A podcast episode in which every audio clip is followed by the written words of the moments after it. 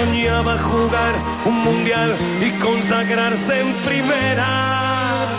Tal vez jugando pudiera a su familia ayudar. ¡Grande Diego! Torque Lab.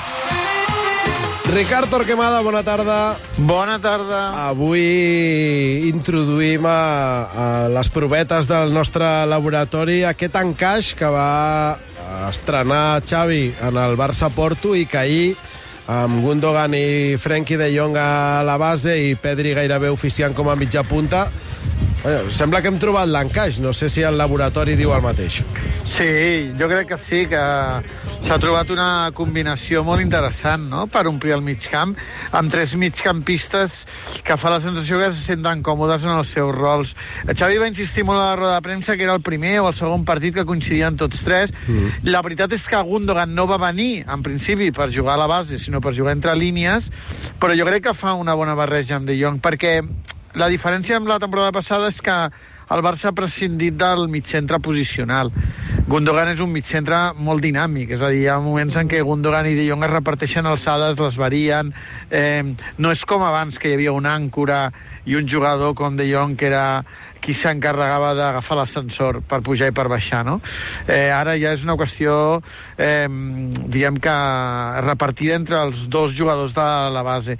Si a tot això afegim que Joao Fèlix és l'home que va dintre per guanyar la superioritat numèrica i vam tenir molts minuts de...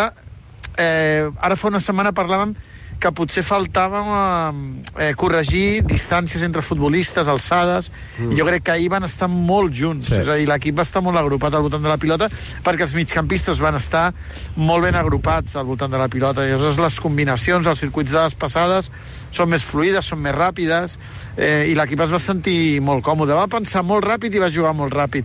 I aquests tres jugadors, home, eh, en aquest sentit, Gundogan, De Jong, Pedri és un migcamp de molta qualitat en espais reduïts com per eh, donar aquest dinamisme a l'equip i com perquè pesi com va pesar ahir en el partit.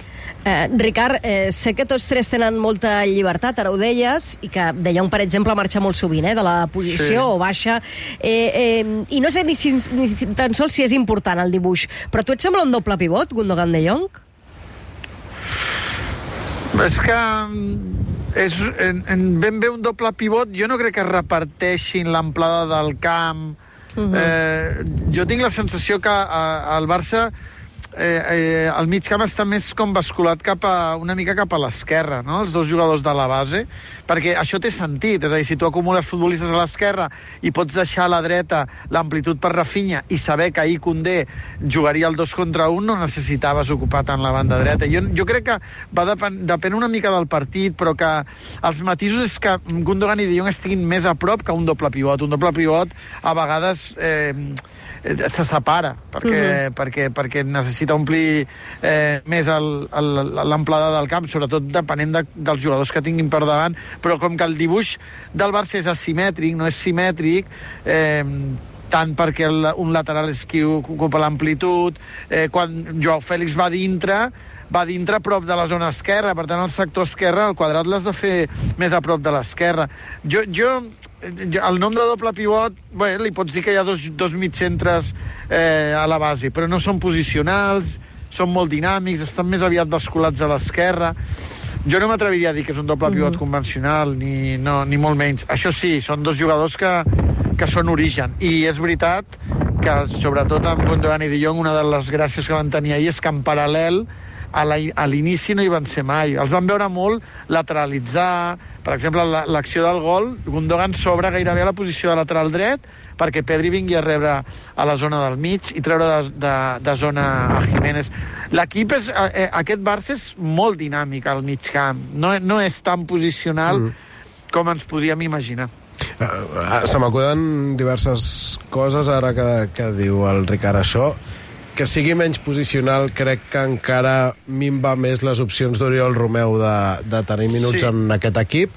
Però deixa'm dir una cosa, eh, Jordi, una de les coses que a mi m'ha sorprès és que quan ha arribat Oriol Romeu no ha imposat la seva, els, la seva especificitat de mig centre posicional, sinó que l'hem vist jugar més com hem vist jugar a Gundogan, Sí, per exemple. al costat de a De dir, Jong, sí, sí. Exacte, que, que Romeu no, no, no, no ha vingut per eh, replicar, diríem, l'àncora de Busquets, perquè yeah. Busquets no li podies demanar tot aquest desplaçament.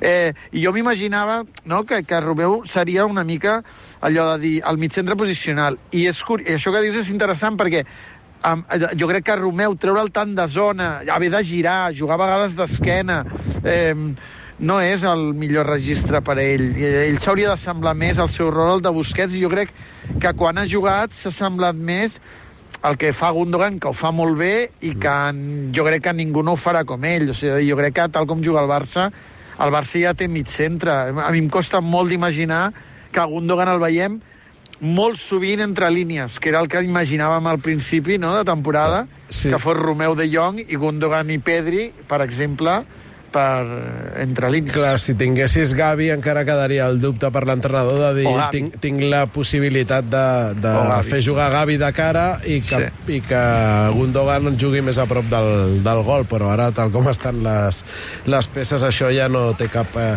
cap sentit. Sí que et volia preguntar si creus que a Xavi li estava agradant tant el que veia al mig del camp que, que fins i tot es va abstenir d'una temptació que jo al sofà vaig tenir, que era de quan el Barça estava perdent el control del partit, tira de Sí. quart migcampista. Sí, sí, jo, jo crec que sí, que estic d'acord amb aquesta lectura, Jordi. Eh, el Xavi també a la TDT va insistir molt no? amb la possibilitat d'un canvi, però jo crec que li va agradar molt. Eh, és que mm, a la segona part fins i tot, quan el Barça, l'Atlètic de Madrid comença a pressionar, cada cop que tots tres mm, s'ajuntaven, el Barça respirava. I una cosa que jo crec que va fer molt bé el Barça ahir, amb, amb tots tres, és que no va atacar tan ràpid, no va ser tan vertical, no va tenir aquell punt de vertigen. Clar, si som, si som capaços de vertebrar un mig camp que eh, li doni temps a l'equip, li tingui paciència, eh, no corri. El Barça era un equip, per mi, un punt accelerat, i ahir jo crec que va trobar més l'equilibri. A la segona part va tenir la temptació de ser més vertical perquè l'Atlètic de Madrid donava molt espai i és un equip que, insisteixo, veu espais i els ataca. Però eh, ahir De Jong, Gundogan i Pedri van fer un, un exercici de rigor, d'equilibri, de pausa, d'ajuntar-se, i quan ells s'ajunten, s'ajunta l'equip, i està més preparat per la pressió després de perdre la possessió, és a dir, bé, el que estem més acostumats nosaltres a entendre com a reconeixible i, i és quan el joc flueix més. I, em, si tots tres tenen la química que van mostrar ahir, l'equip serà un equip més endreçat, més reposat, que dominarà més el temps del partit, que tindrà més control, que estarà més agrupat per pressionar.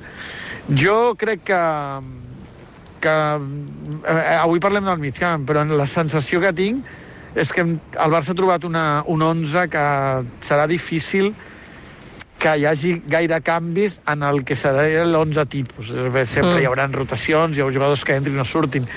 Però crec que el Barça, eh, quan parlàvem allò, recordeu del quart migcampista la temporada passada, que va ser el mes d'octubre, doncs jo crec que ara el Barça ha trobat aquell punt de referència de l'equip, l'ha trobat ara al desembre, però, però l'ha trobat. A partir d'aquí es faran canvis, però pocs, sobretot sabent que Gavi està lesionat tants mesos. Si Gavi estigués uh -huh. apte, ja estaríem parlant d'una competència aquí que, que hauria de, de valorar Xavi, però sense Gavi no es mourà gaire, jo crec.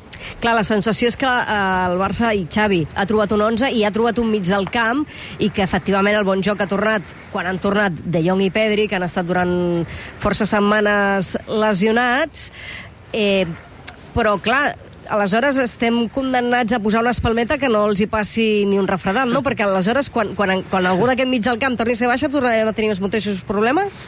Bé, jo crec que Fermín és el jugador que modifica menys el que vam veure ahir. Jo crec que Fermín pot entrar perfectament a aquest ritme de joc, a aquest concepte, a, a repetir passades, encadenar-les, saber quan ha d'ocupar els espais d'arribada. Jo crec que Fermín és molt disciplinat tàcticament.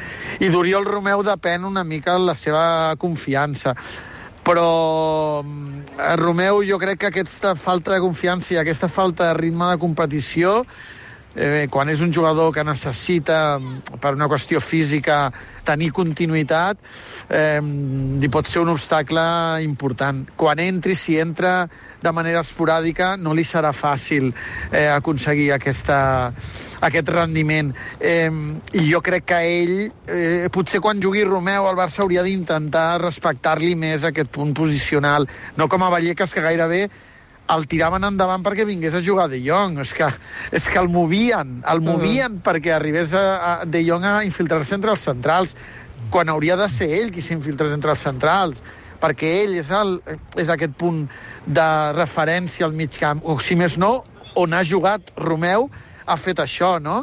Eh, el, el Girona l'eix gravitava, però qui aguantava molt la posició era Oriol Romeu, no?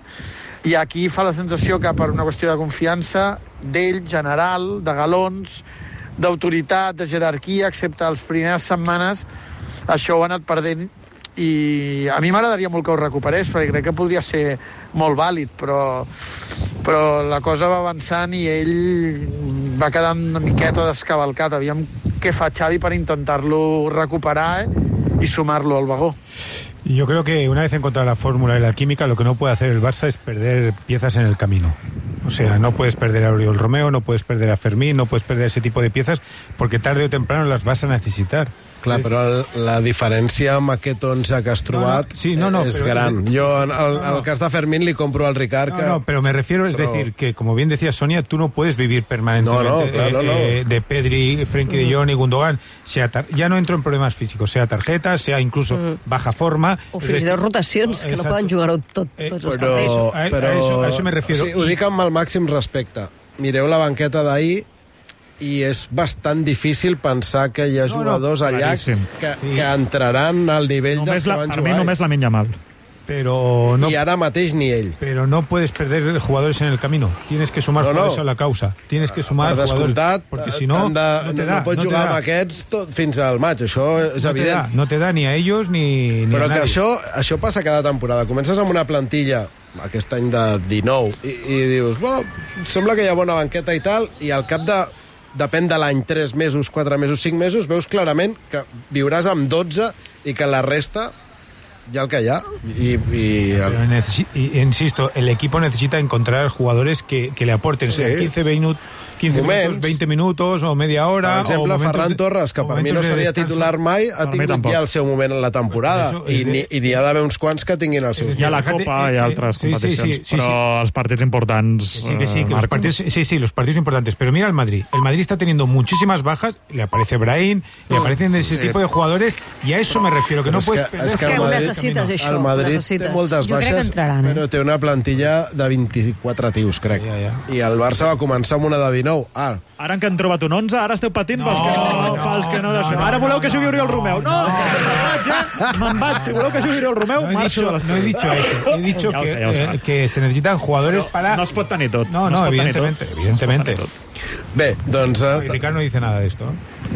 Eh, home, jo, jo, jo sempre sóc partidari que, la, que entre l'11 titular i la resta de plantilla no hi hagi mo molta distància, que s'hauria de reduir. El que passa és que el Barça estava en una situació tan urgent per sortir del sot i ara que ha sortit, mm. jo crec que, i més amb una setmana sense partits, contra el Girona, el mateix 11, Correcte. i, i després ja ho mirarem d'anar incorporant injeccions de, des de la banqueta. Bé, doncs això ja ens ho anirem trobant. De moment, que no és poc, el Barça ha trobat mig del camp i ha trobat fins i tot, diu el Ricard Torquemada, que un 11 de garanties per afrontar els partits gruixuts com el d'ahir. Ricard, gràcies. Adéu a tothom!